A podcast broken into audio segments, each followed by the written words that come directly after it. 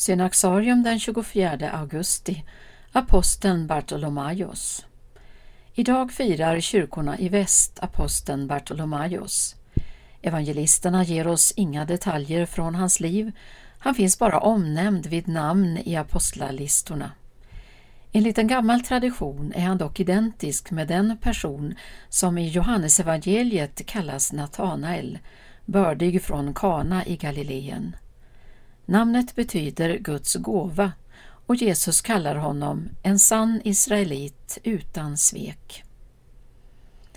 Natanael var hängiven studiet av de heliga skrifterna, något som framgår när Jesus ser honom under fikonträdet. Att sitta under ett fikonträd är i judisk rabbinsk tradition uttryck för ett ivrigt studium av skrifterna.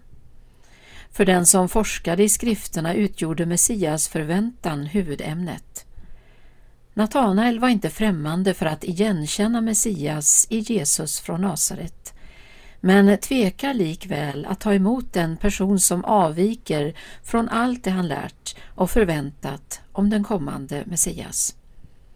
Han kan inte dölja sin förvåning när Filippos säger vi har funnit honom som det står om i Mose lag och hos profeterna, Jesus, Josefs son från Nasaret. Natanael utbrister då Kan det komma något gott från Nasaret? Men vid det märkliga mötet med Jesus, skildrat i Johannes evangeliets första kapitel, bekänner Natanael Jesus inte bara som Israels konung, det vill säga som Messias, utan också som Guds son.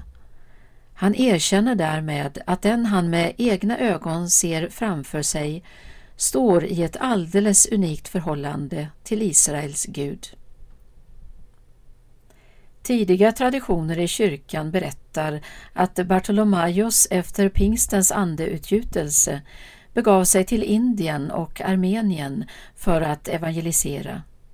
Eusebios av Caesarea nämner på 300-talet i sin kyrkohistoria att han medförde det armeniska Matteusevangeliet till Indien.